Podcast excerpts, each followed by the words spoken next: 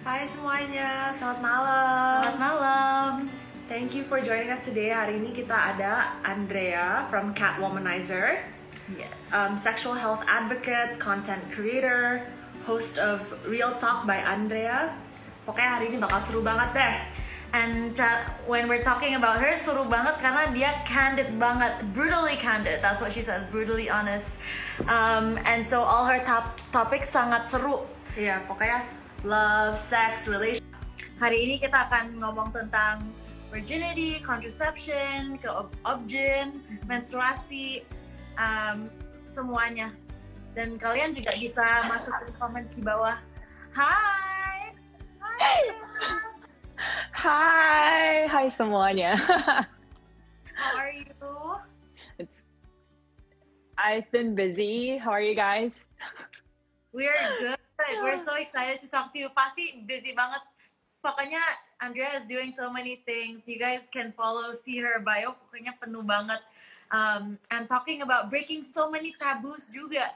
Jadi seperti Nona, kita suka breaking taboo. Wah, ada yang sampai bikin reminder di Google Calendar. Nah, Thank you, Kak. Miss. niat banget. Thank Where you Kak. guys? You guys kok kayaknya masih siang-siang gitu deh. Yes, kita kita masih di London, baru selesai sekolah, jadi masih it's still like 2 p.m. here. Tapi next week mau mulai balik pindahan nih, jadi apartemenku udah mulai kosong. Oh, Finally, no gue wonder. Iya. Wah, ini udah lama Yay. banget di luar dia. udah di luar ready to go back. Yes, ready to go back and keep doing more things dengan Nona. So everyone stay tuned. Yay. Nah, Okay. enough about us. Mungkin tadi kita udah intro sedikit tentang you and your page, but maybe it's better to hear it from you yourself. Mungkin bisa cerita your a bit about your background.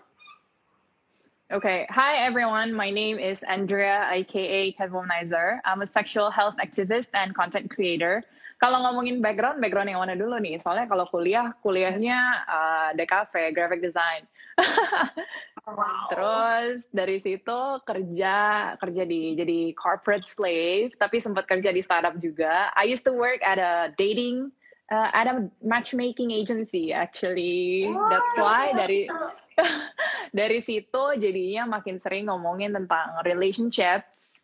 Terus juga I have a cause, maksudnya kayak seneng ngomongin tentang sexual health because I feel like uh, at the time I started waktu 2018 tuh masih jarang banget orang yang ngomongin tentang sexual health or other controversial and taboo topics gitu. And I feel like kayaknya ini penting banget diomongin deh. Apalagi um, yang tiap hari masih banyak ditanya di DM itu adalah minta uh, referensi klinik aborsi. Yang mana sebenarnya semua tuh bisa dicegah dengan edukasi. Itu aja.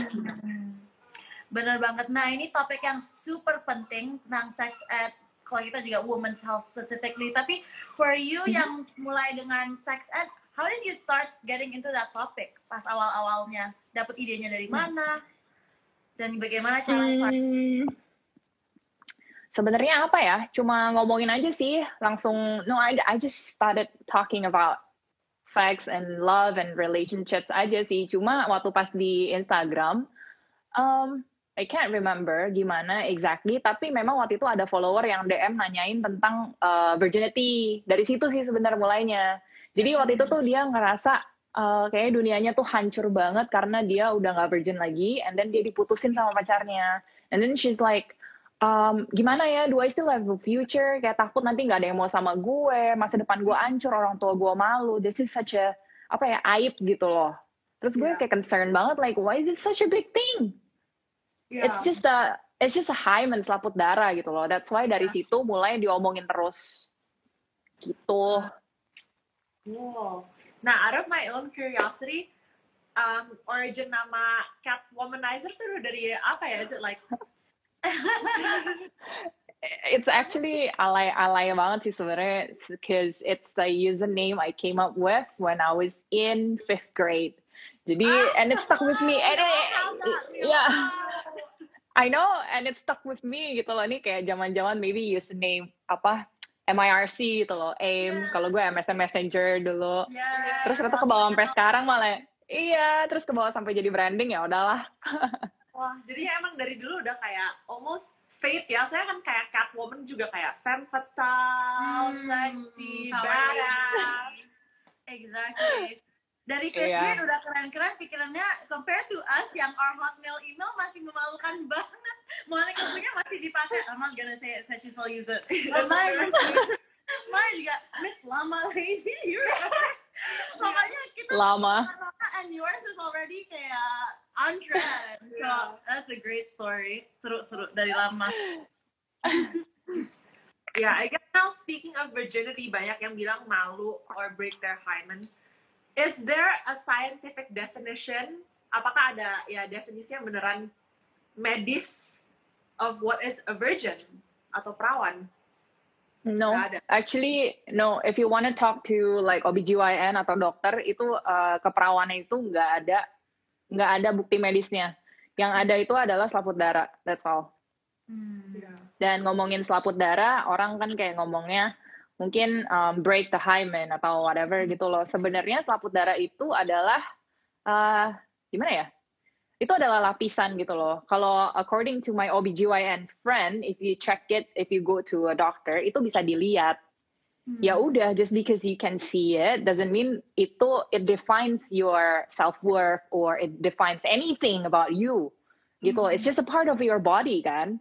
Kayak ya kayak kita punya mata kita ada selaputnya gitu loh. Di hidung juga ada selaputnya. Semua ada selaputnya. Nah, kebetulan uh, selaput darah itu ada di bawah juga gitu. Ya udah, that's all. Hmm. Yeah. Dan scientifically, have you heard misalnya how easy is it untuk mecah untuk to break this hymen? Jadi harus apakah kayak pas first time sex baru itu break atau mungkin kayak ada aktivitas hari-harian atau maybe some other myths yang tentang breaking the hymen? Hmm. Jadi sebenarnya kalau teman-teman mungkin mau Google sendiri juga, bentuk-bentuk selaput darah itu banyak loh. Jadi, um, you know, they're not seal type ya. Mereka nggak kayak tutup Tupperware yang kedap air, kedap udara. Of course harus ada bolong. Of course harus ada bolongannya. So our menstruation period, menstrual blood itu bisa ngalir keluar. Kalau memang ada kondisi yang uh, apa namanya imperforata itu memang uh, selaput darahnya ketutup sama sekali. Dan actually we had a talk with uh, my OBGYN friend about this, and then uh, dia bilang memang kalau yang imperforata itu justru malah harus dirobek supaya darahnya bisa keluar. And usually orang-orang yang ada imperforata ini justru mereka nggak bisa menstruasi dan tapi tiap bulan jadi kesakitan doang without an outlet untuk keluarin gitu loh. And it's act- it's an actual condition yang it's a serious condition. Nah kalau ngomongin tentang uh, how easy it is to break the hymen, it nggak nggak necessarily ketika lo have sex pertama kali actually. Jadi y- ya gimana ya? Kita mau maybe uh, we do sports, kita naik sepeda atau kita jalan aja tuh bisa ada ada robekan gitu. And it's okay, it's fine. Iya. Mm-mm. Dan juga ya kadang-kadang kalau misalnya udah lahir selaputnya itu udah ada kayak bolongan gitu ya. It's not like a full sheet kayak tembok pas pecah gitu langsung ada kayak bolong-bolongan itu. It's just like a jaringan I guess. Ya ya ya ya. Jadi pertama kali it breaks belum tentu it's like wah keluar darah gara-gara oh itu hymenku udah baru keluar. Sebenarnya nggak seperti itu ya. No, it's actually very flexible juga gitu. Jadi kayak misalnya gini ya, a friend of mine, uh, she decided to uh, pop the cherry kayak when she was 32 at the time. Terus jam dua kayak midnight gitu around 1 a.m. dia telepon gue dia kayak bilang gue di ER nih dia bilang gue tanya kenapa? I just had sex for the first time and I was I'm bleeding profusely katanya. Terus gue kayak, hah, what happened? And then kata dokternya, dia bilang dokternya tuh bilang eh, apa hymennya itu baru robek setengah. Oh. Jadi apparently kayak the older you get, itu the thicker it is. Oh, I didn't know that. That's interesting. Iya, jadi apparently dia tuh kesakitan banget, udah sakit gitu, ternyata setengah dan udah bleeding parah dia bilang. Wah. Dan mungkin masing-masing individu juga beda ya hymennya. Jadi kita mungkin lahir dengan kapabilitas bikin hymennya beda juga. So even if dia punya tebal, maybe someone else punya tipis dan gak kerasa. So Iya. interesting. Nah, terkait period products dan hymen, um, banyak orang yang tanya kita kayak tampon sama menstrual cup, um, will that take my virginity? Do you have any thoughts on that? Uh, again, ini konsep virginity-nya nih apa dulu nih? Cause a lot of people that I know, mereka pikir kalau keperawanan itu cuma tentang uh, apa namanya? tentang berhubungan seksual dengan lawan jenis pertama kali gitu. Hmm. Kalau ada penetrasi uh, di vagina oleh ya itu tadi penis misalnya. But in this case kalau memang kalian percayanya itu ya berarti tampon sama menstrual cup nggak termasuk dong. Hmm. gitu. Jadi sebenarnya sih mungkin kalau yang mau gue sampaikan adalah teman-teman kayak value-nya apa? About virginity itu apa dulu? Itu dulu. What do you believe in? Gitu. Kalau emang kalian pikir kalau ya maksudnya kalian sama kayak kita yang cuma mikir itu adalah selaput darah doang ya udah just use it gitu loh. Kan just just because you use tampon atau menstrual cup doesn't mean you're a bad woman atau apa kan. Benar. Mm -mm. yeah. mm -mm. dan juga I guess subjektif banget saya kayak berhubungan seks tuh bisa aja penetratif atau oral. Kayak if you do oral sex masih perawan nggak? Kayak yeah yeah I know right? That's why you know what? Actually kayak ada aduh, aduh apa sih kalau kalian lihat di Reddit atau kayak di Instagram ada kayak Christian memes itu biasanya kayak Ji, lu tau gak sih kayak gini kayak uh, that's why they do anal instead of uh, vaginal penetration oh. supaya gue kan masih virgin jadi gue anal aja. Oh. right. Intinya is like there's no general universal definisi tentang virginity. Jadi masing-masing so, orang. It's a social construct. Yes. Yeah. Exactly. And medically juga nggak ada uh, medical definition too. Yeah. So that's that's yeah. that's about virginity. Dan um, ini juga follower kita ada yang nanya kayak apakah kalau misalnya memasukkan jari ke vagina bisa memecah hymen? Kalau tidak ada darah apa artinya? Nah udah dijawaban sedikit-sedikit jadi kayak hymen bisa pecah many different ways. Yeah. Pakai jari bisa aja pecah nggak pecah. I guess tergantung. or anything really. Yeah. Iya, yeah, so kalau mau ngomongin tentang nggak berdarah, ya emang most of us actually we don't bleed the first time we have sex anyway, and it's normal it's not a sign of anything gitu loh. Jadi hmm. kalau misalnya kayak cowok-cowok kalian terus kayak ah lu pasti bohong deh udah nggak perawan lagi kayak mana buktinya nggak berdarah. Hmm. ya, mana bukti you? Ya, perawan yeah. exactly. yeah. gender bias. Nah ini ada yep, yang bilang juga mungkin kayak takut robek gitu kak kalau pakai tampon atau menstrual cup. Ya, nah, again uh, ini balik ke values kalian masing-masing if you think that keperawanan itu masih penting buat values kalian dan ya udah nggak usah balik ke pet saja susah amat. Dan sebenarnya outside of the virginity thing, kalau udah biasa pakai tampon atau menstrual cup, sebenarnya untuk banyak orang juga merasa sangat nyaman karena nggak kayak lembab-lembab atau basah seperti pembalut. Jadi ini bebas, it's up to you yourself juga sih. Masing-masing orang mungkin ada preferensi sendiri. Tapi kalau pakainya betul dan caranya masukinnya yang pas juga, nggak kerasa apa-apa mestinya um, yep, yep. mungkin itu juga harus latihan pakai tampon atau cup lama-lama mulai lebih ngerti gimana cara masukinnya yang betul mm-hmm. Uh banyak oh, nih pertanyaan ya. uh, aku baru lihat um, okay. maybe besides virginity kind of related kita bisa ngobrol sedikit tentang kontrasepsi karena uh, terkait juga hubungan seksual Nah, can you tell us a bit more kayak kalau ada orang yang mau berhubungan, bagaimana tips-tipsnya untuk pilih what's the right contraception for you? Hmm. Yang jelas mesti uh, konsultasi dulu ke OBGYN. Because selain oke okay, gini um, met, apa contraceptive methods kan ada banyak ya. Ada yang hormonal itu bisa affect our hormones. Ada yang nggak hormonal yang mana kalau misalnya nggak hormonal itu kayak uh, copper IUD, terus kayak misalnya condoms obviously gitu loh nah tapi kan kalau yang ada hubungannya sama hormon misalnya kita pil KB yang mana gue sampai sekarang gue umur 32 gue masih pakai pil KB sejak gue umur 19 tahun uh, pil KB terus mungkin suntik KB dan apa implan dan ya. apa lagi sih ya dan metode-metode yang lain itu baiknya dicek dulu ke dokter because it can actually affect your hormones dan of course side effects-nya beda-beda. Kalau di gue sih nggak ada side effect apa-apa. Cuma uh, kalau memang nggak cocok kan ada yang bisa bikin malah jadi bleeding, malah nanti mungkin jerawatan, malah mungkin nanti jadi gendut atau malah jadi kurus banget gitu. Hmm. Jadi um, I suggest untuk pertama kali konsultasi dulu ke OBGYN. Then kalau misalnya udah ketemu yang cocok kayak misalnya gue, gue udah cocok sama pil KB dari gue umur 19 tahun, ya udah gue pakai terus sampai nanti gue umur 35.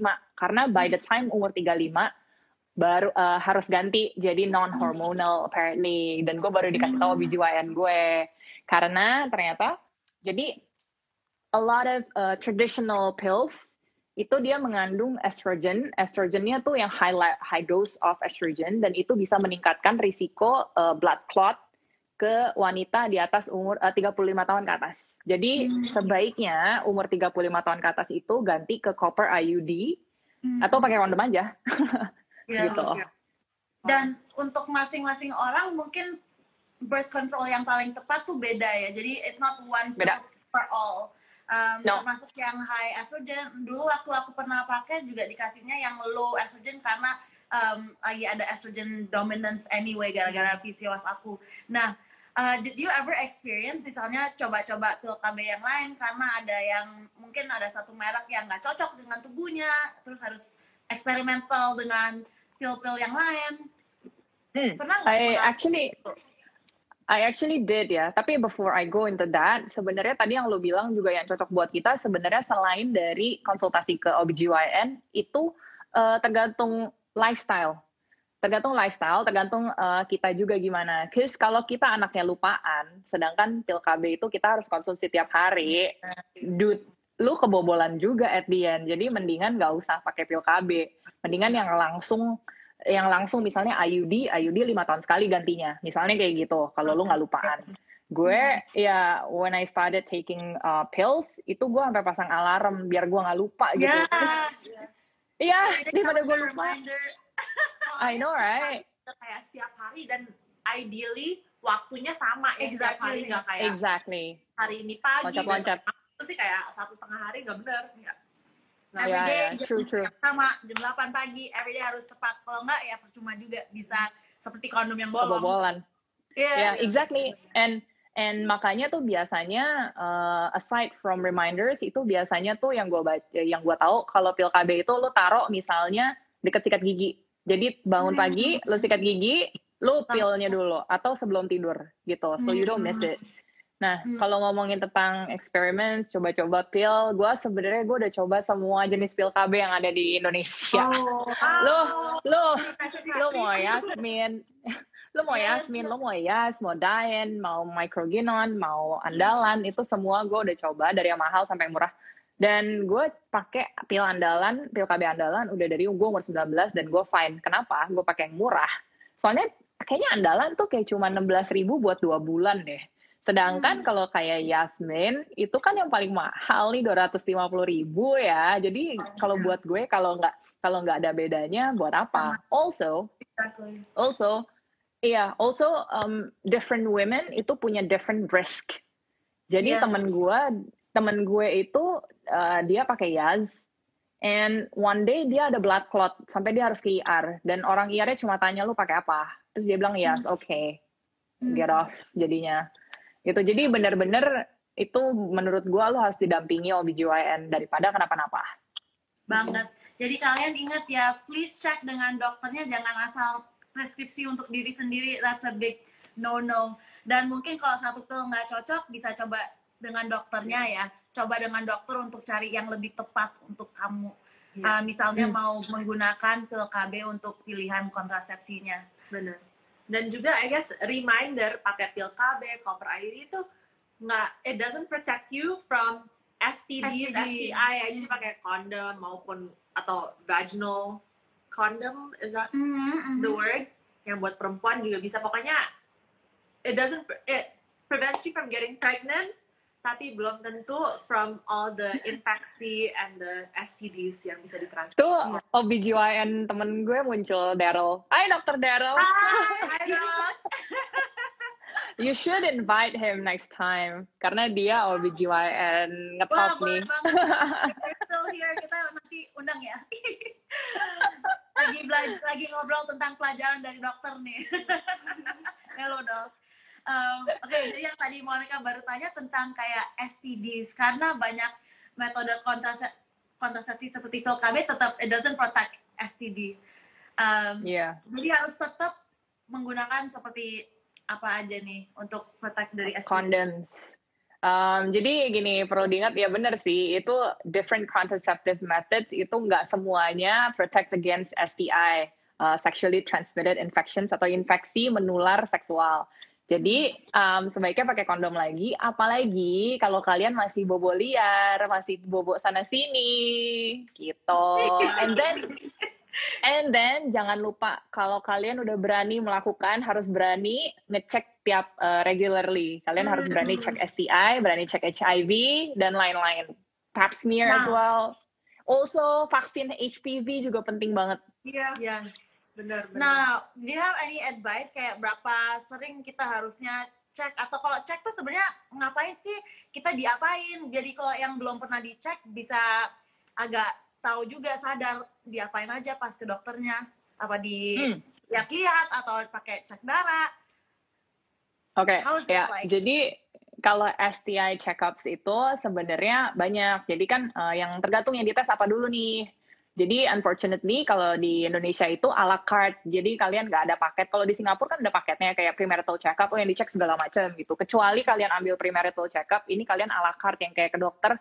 Terus kayak eh, oke mau minta tes STI dong, tolong eh, dicek apa aja yang dicek gitu loh. Jadi misalnya kayak eh, chlamydia, um, uh, gonorrhea, kayak syphilis, HIV, um, what else ya? Ya gitu deh, I can't remember everything, but um, yang jelas gue udah pernah ngetes di rumah sakit iya, puskesmas iya, eh, klinik juga iya, dan apa namanya yang dites ya tergantung, bisa ada tes darah, ada tes langsung eh, apa namanya ambil swab, swabnya dari sampel dari vagina gitu, yang mana itu harus dimasukin spekulum atau cocor eh cocor bebek ya atau cor ya cocor Iya. bebek. What? Iya. atau corong bebek? But anyway yang kayak gitu.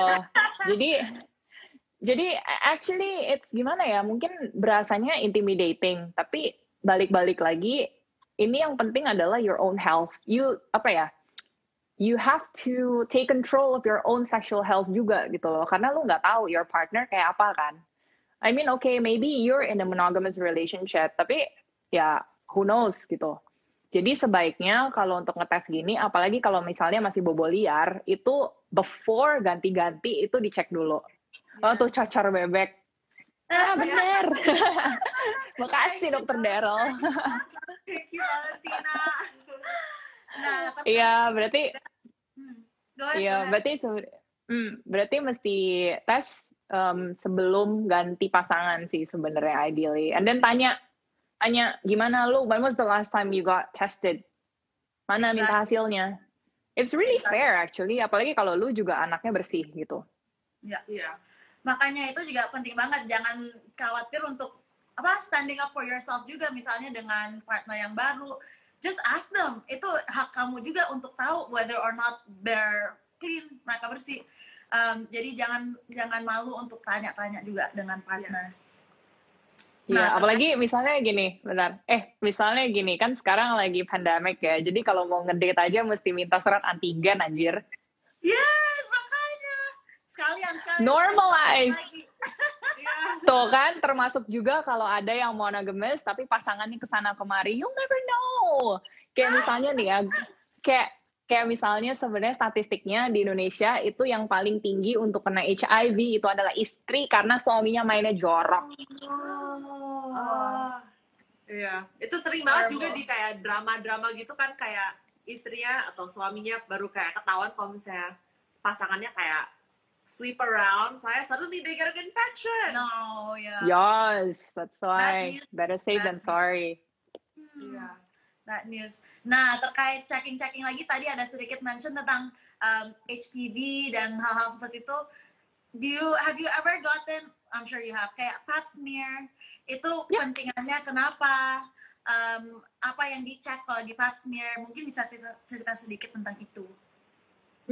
Kalau untuk pap smear sebenarnya kalau if you're sexually active, ideally one uh, every every year gitu. Dan um, apa namanya itu sebenarnya pap smear tuh untuk me- apa ya ngecek apakah ada bibit-bibit cancer. Ya, ya. Bibit bukan bibit-bibit cancer sih, bibit-bibit apa ya abnormality gitu loh. Ada yang Iya. aneh nggak nih sama kalian? Jadi itu caranya juga di swab aja sih pakai si cocor bebek tadi Iya. gitu. It's very it's very simple, it's quick juga. Habis itu tinggal dikirim ke lab, that's all. Iya. Dan walaupun sudah divaksin, bukan artinya nggak usah pap smear anymore ya, tetap harus. Because the vaccine Hmm. nggak. Soalnya- Hmm. Dan kalau HPV lain lagi juga sih tesnya. Gitu. Iya. Benar. Beda. Ini ada pertanyaan kok nih, aku showing di sini. Eh, kalau test kit yang STD dan HIV itu gimana, Ci? Tadi udah Yes. sedikit di-explain ya. Mungkin ada sedikit penjelasan lagi. Uh, jadi I think ini ngomongin home test kit because I endorse the product as well. Jadi Hmm. namanya adalah one step, one step HIV. Dia ada untuk syphilis juga. Itu fungsinya kalau kayak kita antigen sebenarnya. It's just the first step of screening Hmm. gitu. Jadi bener ya samain aja eh, sama kayak antigen gitu. Dan Hmm. uh, accuracy-nya accurate juga. Tapi again, if you wanna make sure, kalau kita habis antigen mau mastiin kita PCR kan, the same thing. Mm, mm, mm. And ini juga mungkin related to that pentingnya ke objin dan kita sebagai perempuan it's good to have an objin yang kita kenalin lah Um, karena nggak cuman kalau mau hamil harus ke objin sebenarnya kalau ada masalah apa pun not only sexual ya kalau dari uh, side-nya Nona kita juga bilang kalau ada hal-hal menstruasi yang abnormal juga harus ke objin jangan kalau di page kita banyak orang suka tanya-tanya dari Google atau dari mana. Um, better if there's anything yang kalian rasa ada something wrong cek dengan dokter aja langsung. Karena they can check also dari tes darah dan lain-lain. Dan nggak bisa sok tanya dari internet doang. Iya. Dan juga kalau di internet selalu, selalu bilangnya kayak at the end of the day kayak misalnya pusing, Cancer, could be Cancer. cancer ya. Jangan kayak jangan bikin brain tumor. di stres gitu. exactly Iya. And and also um, tadi yang penting kalau memang uh, ya tadi kalau udah uh, sexually active, obviously kalian harus objin um, make them your friend lah. And then terus juga tadi kalau ada menstruasi mungkin menstruasinya terlalu sakit every month sampai nggak bisa ngapa-ngapain, maybe itu harus dicek juga kalau menstruasi telat-telat telat-telat mulu itu mesti dicek juga. Jadi jangan don't normalize kayak aduh emang sakit kalau mens emang harusnya begini. Not necessarily loh menstruasi harus sakit banget gitu. Not necessarily. Gitu. Thank you for bringing that up. Itu yang kita selalu bilang karena kalau painnya sedikit mungkin itu it's okay. Misalnya kalau ada sedikit kram yang mild tapi nggak ganggu, oke itu banyak orang mengalami. Tapi a lot of people juga mengalami pain yang sampai mengganggu banget aktivitas hari-harian. Dan kalau udah Sampai nggak bisa ngantor. Iya. Exactly, atau nggak bisa ke sekolah. Dan walaupun banyak perempuan mengalami hal ini, doesn't mean itu adalah hal yang normal. Um, karena Yes. mungkin ada penyebab yang lain yang misalnya um, some people have abnormality atau ada endometriosis, and itu yang benar-benar causing bad period pain atau just some hormonal imbalance. Kalau hormonal imbalance yang bisa lakukan hal-hal pola hidup lebih baik, yang bisa bikin lebih baik, tapi still it means there's something not right yang bikin mensnya sakit. So it's, it's really important check ke dokter guys kalau ada hal-hal yang yang you're not sure about. Iya. Nah, aku Hmm. baru lihat di questions box ada yang tanya nih, why do you choose pills instead of IUD? Mungkin kita belum ngomong tentang IUD that much. Um, can you help answer to this question? Hmm, intinya, um, the thing is, I don't know much about IUD, but I've heard quite a bit from my friends who use IUD. Jadi kalau kenapa gue pilih pills? Because it's convenient for me. Jadi gue beli tinggal pakai Halodoc. Kemarin pakai resep dari dokter Daryl. terus, iya karena, ya anyway, long story. But anyway, terus kayak kalau misalnya pills, I can just get them at any drugstore. Gue mau ke Century, gue mau ke Guardian, gue bisa langsung beli over the counter gitu loh. Sedangkan kalau IUD, gue mesti bikin appointment dulu ke dokter yang buat gue it's such a hassle. Even though nanti uh, nanti by the time gue 35, gue udah bikin appointment sama dokter Daryl. Nanti lu urusin ya, gue IUD. Hmm, masih di sini nggak dok? Iya bener banget dan banyak teman-teman aku yang pernah pakai IUD katanya masukinnya dan keluarinnya sakit banget karena literally itu masukin kayak something into your vagina apa into sticking in jadi um, untuk beda-beda orang beda ya. And as Iya. tadi Kak Drea bilang, misalnya sering kelupaan untuk makan pil at the same time, maybe untuk kalian IUD lebih convenient. Jadi tergantung orangnya juga Iya. sih. Also, from a sexual pers apa, perspective, itu gimana ya? Masalahnya some people tuh they actually feel bothered by the string karena ada Yeah. talinya dan dan maksudnya ya itu gue ngomong juga sama dokter Daryl nih by the way ternyata dokter Daryl tuh bilang emang soalnya most uh, Asian or Indonesian uh, vagina itu kedalamannya tuh 13 sampai 14 cm jadi pendek actually Makanya ya berarti yang mana kalau lagi berhubungan seksual kemungkinan bisa nanti mentok penisnya nanti malah sakit cowoknya kasihan gitu. Kecolok gitu. Iya, nah si dokter Daryl juga bilang waktu itu ya bisa aja sih stringnya nanti dipotong aja, but it will be tricky to get it out nanti. Dan I think kayak for me personally waktu itu aku pilih pil saya kayak apa ya? Lebih flexibility ya kayak misalnya aku mau stop. I can Ya. stop by myself, nggak usah ke dokter, Ke dokter. keluarin, and then I don't know what Correct. else goes on in the procedure kayak what you have to do prep before after gitu. Tapi ya for me ya pilnya juga more convenient lah. Mm-mm, Betul. Agree. Uh, kalau kalian ada pertanyaan lain tentang kontrasepsi bisa tanya either Dr. Daryl yang juga ada di komentar atau di page-nya Kak Womanizer. Um, tapi mungkin ini ada yang tanya tentang menstruasi lagi nih. Banyak dokter yang bilang sakit pas mens normal, Ci. Terus nanti kalau udah nikah, kayaknya maksudnya setelah melahirkan bakal gak sakit lagi. Itu gimana deh? Hmm. Tanyanya ke dokter Daryl aja jangan ke gue deh, gue gue nggak ngerti. I don't plan to ever have kids. I'm child free. I don't know. Tapi inti intinya for a healthy period mens yang normal yang sehat sebenarnya durasinya konsisten mungkin berdarahnya sekitar 3 sampai 7 harian terus siklusnya sekitar 28 harian yang dianggap normal still like antara 21 sampai 35 hari tapi selain itu juga kualitasnya penting banget.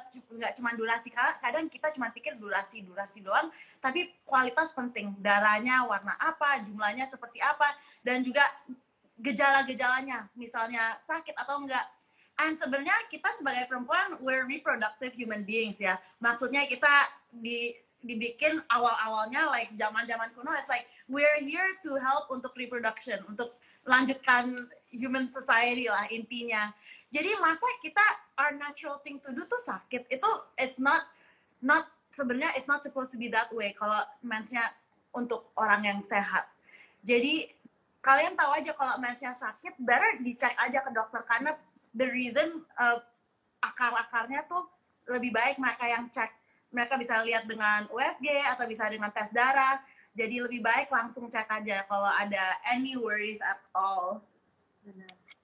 Hmm, And be careful with doctors yang dikit-dikit kalau kita konsultasi apa, terus mereka bilangnya cuma kayak makanya nikah aja. Nikah doesn't solve your problems, man. Ya. Kayak gue kalau ke dokter gitu, uh, like I'm struggling with acne right now, tapi back then waktu gue struggle with acne juga, dokternya tuh yang kayak makanya nikah, pasti mukanya mulus deh. No, it doesn't work that way. No, It doesn't work that way. No, that's not that's not how science says. Exactly. tentang ke dokter objin juga kadang banyak followers kita merasa um, kayak kalau ke objin suka diliatin karena you go alone atau sendiri nggak sama suami and stuff. Itu juga sebenarnya no like if you need to see a doctor go see. Nggak harus dengan pasangan atau nggak harus nunggu sampai udah nikah and so on. Mhm. ini ada pertanyaan And like and like we said tadi, kalau lu berani berhubungan seks dan ya udah you have to berani untuk ngecek juga. exactly. Itu responsible with it comes responsibility Ini juga ya ada yang tanya, what are your thoughts on morning after pill? Terus apakah perlu pakai resep dokter juga? Yes, Postinor itu harus dengan resep dokter karena itu adalah kategori obat keras because a lot of people they don't understand, they misuse it, menyalahgunakan and then nanti akhirnya yang rugi siapa? Diri sendiri. Jadi Iya. kayak follower gue mereka mikir kayak morning after pill it's uh, apa ya namanya juga pill dadakan gitu lah yang very urgent baru sekali-sekali aja. Dan itu efektifnya kayak 24 hours, 24 sampai 72 jam gitu. Yang di mana kalau udah 24, udah 36, udah 32 ya efektivitasnya makin berkurang gitu loh. And also um, apa namanya? Waktu itu ada sempat ada follower gue beberapa dia kayak uh, they treat morning after pills itu kayak pil KB yang mana tiap minggu bisa tiap minggu, tiap bulan. Girl, that's Oh. how you get mandul, man. Iya. No, no, yeah, this is why. Makanya itu bener-bener kalau lu urgent banget, like Yeah. even gue dari umur 19 tahun sampai sekarang gue nggak pernah beli yang namanya Postinor because gue I take pills religiously gitu loh. Jadi it's to avoid yang kayak gini-gini gitu loh. Tapi kalau emang dadakan dan use it, tapi emang harus konsultasi ke dokter dulu. Nggak bisa lu tiap minggu, tiap bulan you rely on Postinor Iya. gitu. Karena emang keras banget ya dan kasihan untuk tubuh kita juga it's like a roller coaster untuk hormonnya jadi mungkin besoknya juga akan merasa gejala-gejalanya lebih keras so sebenarnya it's just not good untuk to take it regularly itu benar-benar ya emergency Iya. atau urgent need Ya, emergency pill itu bukan tiap bulan loh. Kalau tiap bulan tuh mah udah kebiasaan, bukan emergency Iya, lagi. tiap bulan emergency enggak enggak kayak kayak gitu Benar-benar. I don't know if it's mitos, tapi kayaknya dulu aku pernah kayak diajarin kayak pil KB maksimum kayak dua kali setahun. Not that I've ever used it before. Tapi kayak Yes. benar dibilang kayak jangan lebih sering daripada dua kali setahun lah. dan itu udah Yes, max and dan udah gitu span-nya juga uh, six months by the way. Ya, jadi hati-hati pakai itu. Just try to be educated to nggak sampai ke situ kalau bisa. Pakai Hmm. metode kontrasepsi yang lain. Mm, betul. Not that. betul. Nah, tadi kita udah mulai ngomongin sedikit tentang menstruasi. This is our favorite topic di Nona. Kita banyak ngomongnya tentang mens, tentang women's hormones. What about you? Uh, gimana pengalamannya dengan menstruasi, your relationship towards your period? Do you feel happy atau kalau datang malah kesel? Uh, mungkin and also kalau udah dengan pil KB kan agak regular, jadi you already know when it's coming. Mhm. Tapi are you still Actually, the- ashamed of it atau you feel proud? Gimana? Jadi sebenarnya the first time I started taking pills because uh, my menstruation cycle emang berantakan at the time. Daripada gue deg-degan mulu, anjir gue hamil nggak ya, hamil nggak ya, udah might as well just take the pills lah. Tuh, kandungan hormon Ya, emergency gitu. pills. Silahkan dibaca sendiri. exactly. Gimana nih? Di pin mestinya komen-komen dari dokter semua. Iya. Nanti lo screenshot aja terus lo masukin toh. Nanti Exactly. pas di IGTV. Anyway, so ya yeah, kalau kayak gue sih um, sebenarnya untuk regulate my period awalnya. Terus um, apa namanya? Ya, yeah, it actually helps with the cycle supaya jadi lebih teratur. Uh, and then my relationship with period, I'm actually excited to get period every month because that means I'm still child free. Yay! Congratulations. It's like it's it's like my it's like I'm congratu about my ovaries to Yeah. congratulate myself for not Yeah. being pregnant. Did a good job. yeah, yay, well done. Iya, kalau gue sih kayak gitu. Cuma mm, maybe growing up ya, growing up tuh uh, ya period kayaknya embarrassing banget apalagi kalau lu tiba-tiba uh, leaking apa namanya bocor gitu kan. Ini kayak malu banget kalau di sekolah like it's so normal doh kalau kita Ya pernah, pernah lah pas sekolah. It's so normal. Nggak cuma sekolah doang, gue pernah bocor. Ya because kan kadang-kadang nggak tahu juga ya. Maksudnya even though regular dari pill tuh kalau dari gue pribadi itu jedanya tuh bisa 2 sampai 5 hari gitu. So sometimes Russian roulette juga nih, nggak tahu juga gitu. jadi jadi pernah juga memang bocor waktu lagi nginep di rumah pacar gitu kan kayak oh my god this is so embarrassing. Mana darah susah banget kan bersihinnya. Jadi tapi at the time gue kayak um, apa ya it's no big deal. Apparently I dated men who were mature. Maksudnya dia juga kayak ya udahlah it's just blood no big deal. We can just wash it off gitu loh. Masukin aja mesin cuci gitu. Yeah. so it's I think it's important for you to find people yang don't make a big deal out of it gitu loh terus kayak kayak misalnya juga um, speaking of not making period a big deal itu juga kayak misalnya kalau kita beli period products dong maksudnya atau kita lagi di sekolah lagi kuliah lagi kerja kita mau ganti aja tuh diem diem banget gitu loh Iya. like so what we're Iya. women, we're still we're menstruating. So what kalau kita keluar, eh sorry gue harus ganti dulu ke toilet. Big deal. And then Iya. terus kalau kayak um, cari pacar, cari pasangan yang nggak malu untuk beliin lu period products. Yes. Educate them. Yang cari pasangan yang nggak malu untuk beli kondom. Kalau misalnya mereka bisa beli rokok dan beli kondom, harusnya nggak malu. Harusnya bisa Iya. beliin kalau memang kalian perlu beliin softex misalnya. Iya. Iya iya. Eh ada. Grace, ada ada bosnya Daryl di sini yang punya Maya Panda. Banyak banget yang join.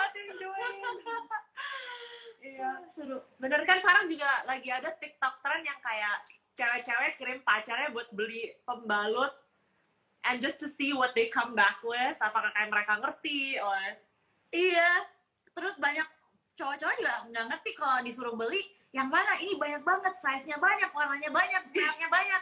Ya kita ajarin lah. And harus bikin cowok-cowok lebih ngerti bahwa mens is normal. Sebenarnya nggak usah malu kalau beliin untuk pacar pembalut or whatever.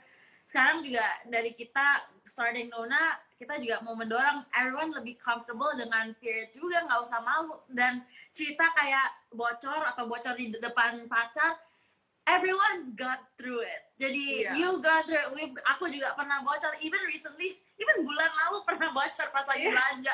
So it's like normal. It's not even though kita merasa malu banget pas itu terjadi like everyone goes through it. Jadi jangan malu dengan mens. Kayak itu jadi sesuatu yang it's a sign tanda-tanda kita perempuan sehat.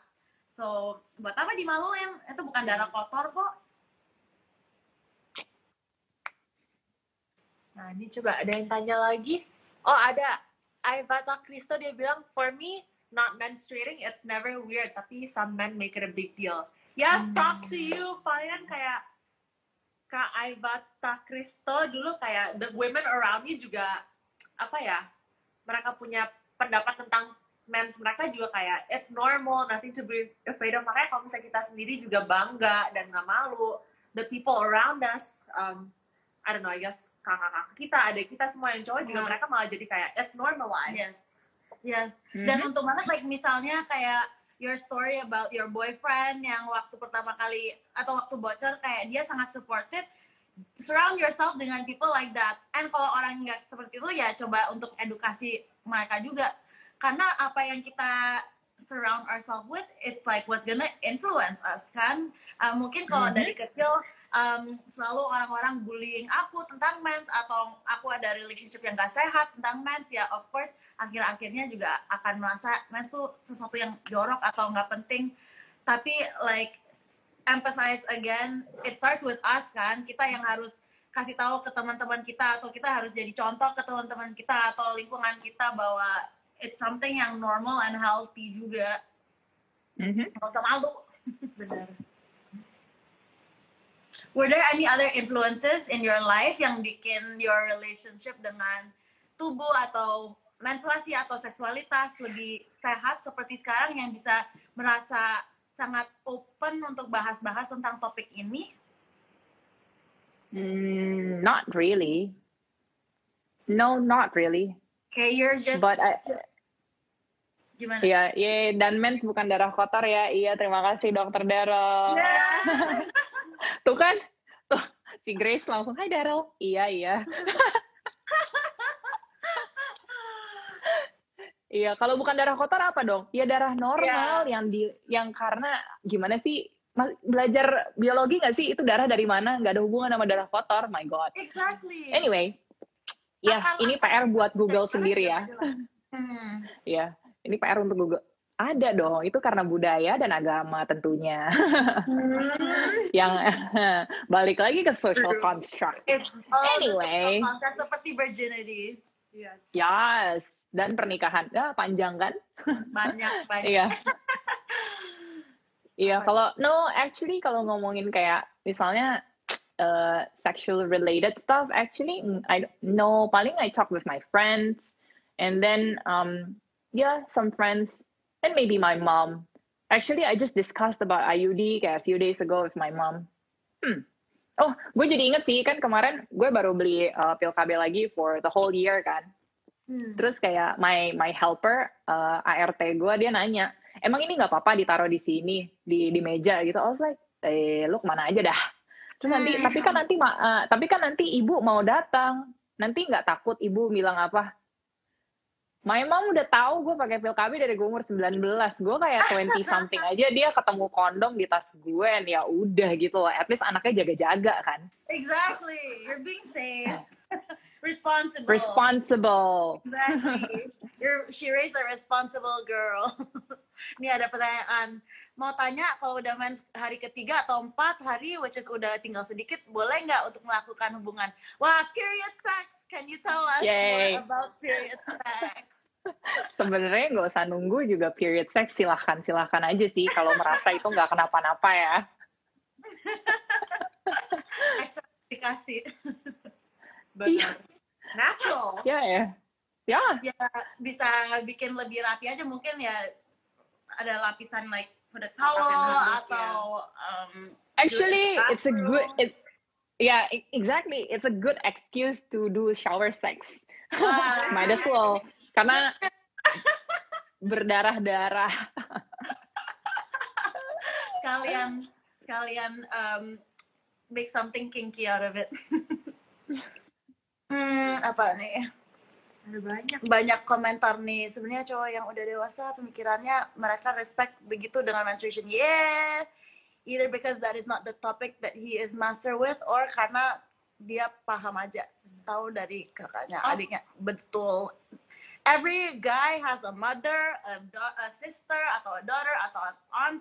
Jadi mereka surrounded by perempuan yang every, yang menstruating. Benar. And on the topic of period pain and period sex, actually banyak yang bilang kalau misalnya mereka berhubungan seks pas lagi mens bisa membantu meredakan nyeri Hmm. haidnya. Cramps, actually yes. Yeah. Jadi actually nggak cuma kayak misalnya having sex could relieve cramps during period. Sebenarnya kayak kalau lagi flu juga bisa alleviate some of the ini sebenarnya asal jangan partnernya kete, apa ketularan aja sih. Yeah. But it's true, actually there are benefits kok. Yeah, yeah, for Yeah. sure. Orgasm helps a lot with those, and even um, untuk bantu men- mental apa stress relief and all yang juga sangat membantu hormon. Mhm, mhm. Apalagi Ada. usually kalau lagi PMS, lagi period kan biasanya extra horny. Iya, betul, benar. betul. Apalagi um, yang kita selalu ngajak ngomong di Nona tuh kan kita punya siklus dibagi ke empat fase.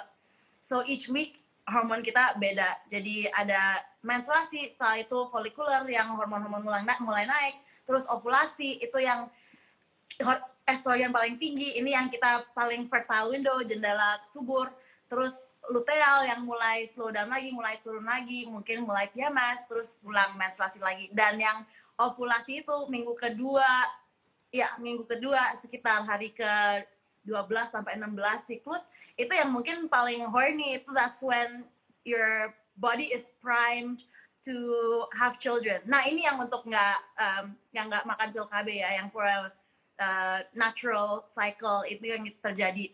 Dan mungkin di di periode ini banyak perempuan merasa lebih pengen berhubungan dan juga karena estrogen paling tinggi mungkin mereka juga merasa lebih confident atau lebih like just feel more pretty atau confident in themselves. Karena emang estrogen tuh kadang kayak hormon kecantikan juga ya. Itu hormon perempuan tapi hormon keca- kecantikan juga. Jadi mungkin kalau estrogen tinggi it helps your skin also. Makanya banyak perempuan yang jerawatan dikasih pil KB yang ada estrogen untuk membantu juga untuk uh, your skin your beauty. And so pas ovulasi itu juga banyak orang merasa pengen hubungan. Dan that's a great time to have um, to have sex if you're trying to have children and Conceive. so on. Jadi, Yeah. jadi penting banget untuk melacak siklus um, and to understand apa yang terjadi di tubuh kita di dalam setiap minggu, setiap fase siklus. Benar. Nih, aku Itu mau address tadi, like, tadi juga ada itu yang lagi bilang sakit kepala. Iya, benar. Kalau sanggup Lagi pakai- sakit kepala kalau sanggup orgasm bantu release. Iya dong, bukan bantu release, bantu alleviate the pain. Because akhirnya kita jadi kalau orgasm kan kita jadi lebih relax. Nah, Malah lupa sama sakit kepalanya kayaknya. Iya. benar. betul betul betul Dan tadi juga ada yang bilang kalau misalnya lagi mens lebih safe kalau misalnya non penetrative sex. Which I wanna say is actually ter, menurut the the phases gitu sebenarnya that's not true. Hmm. Your most fertile period tuh pas minggu kedua itu pas lagi ovulasi. Karena itu pas ovarium kita melepas satu sel telur kan setiap bulan. Dan setiap bulan setiap siklus yang untuk nggak makan pil KB akan melepas satu sel telur setiap siklus. Yang akhirnya itu yang if it survives itu cuma survive kayak 12 sampai 48 jam dan kalau ada penetration dan mau trying for baby ya sperma bisa survive-nya sampai lima hari jadi itu adalah jendela yang mungkin sperma sama sel telur itu bisa overlap dan kalau mau implantasi itu yang pas bisa diimplantasi Ya. jadi Getting um, technical ya. getting technical Iya. jadi sebenarnya it's not as easy to get pregnant in all the other phases of Iya. your cycle yang paling kemungkinan paling tinggi ya saat ovulasi itu minggu kedua Iya. Jadi intinya it is safe to have sex on your period. yes Not 100% foolproof tapi tapi sebenarnya the chances are much lower daripada di minggu kedua itu ya yang survival rate-nya cuma 12 sampai 24 jam se- setelah melepas dari ovarium sel telurnya. Begitu. Tapi kalau lagi bokeh abis orgasm balik lagi sakit kepalanya. Ya. Pulang lagi deh. Hmm, Oke, seru-seru nih pertanyaannya. Kalau masih ada, bisa drop some more questions before kita akhirin. Tapi mungkin just general, um, untuk kita semua yang pengen lebih educated atau make a bigger impact tentang topik-topik menstruasi atau reproductive health atau sexual health, do you have any advice untuk followers kita yang lagi nonton? Follow Nona Woman. Hai, and you too. Nanti kita sama account Wizard in this description. Iya, sama sering belajar aja sih. Maksudnya kan maksud uh, apa ya? We have apa easy access to information gitu loh. Jadi kalau emang uh, mau tahu apa, ya well you can actually look it up on Google. Tapi kalau nggak yakin, ya ke OBGYN untuk tanya, make sure dong. Betul. Pokoknya if there's anything wrong, just go to the doctor. Or if you think there's anything wrong, just go to the doctor. Jangan ke dokter Google. Mhm. Apa lagi nih? pertanyaan Huh. Hi, I'm curious about the spot between vagina and anus. Why it gets swollen when hubungan sexual and feels painful so much. Hmm. Actually, um, if if we're on the same page about this ya, itu gue lupa sih what's the what's the term for it ya. I forgot dah. Anyway, itu sebenarnya bukan the spot between vagi- uh, vagina and anus karena that spot between vagina and anus itu namanya perineum kan. Hmm. Tapi kalau memang again if we're on the same page itu bengkaknya tuh justru di mulut vaginanya sih sebenarnya. And Hmm. actually sometimes I still experience that. And then I went to nah oh, di perineum. Iya tapi nggak tahu ya coba dokter Daryl deh. Emang kalau makanya kalau memang ini ngomongnya sama kayak yang gue alamin itu bengkaknya tuh adanya di mulutnya vagina.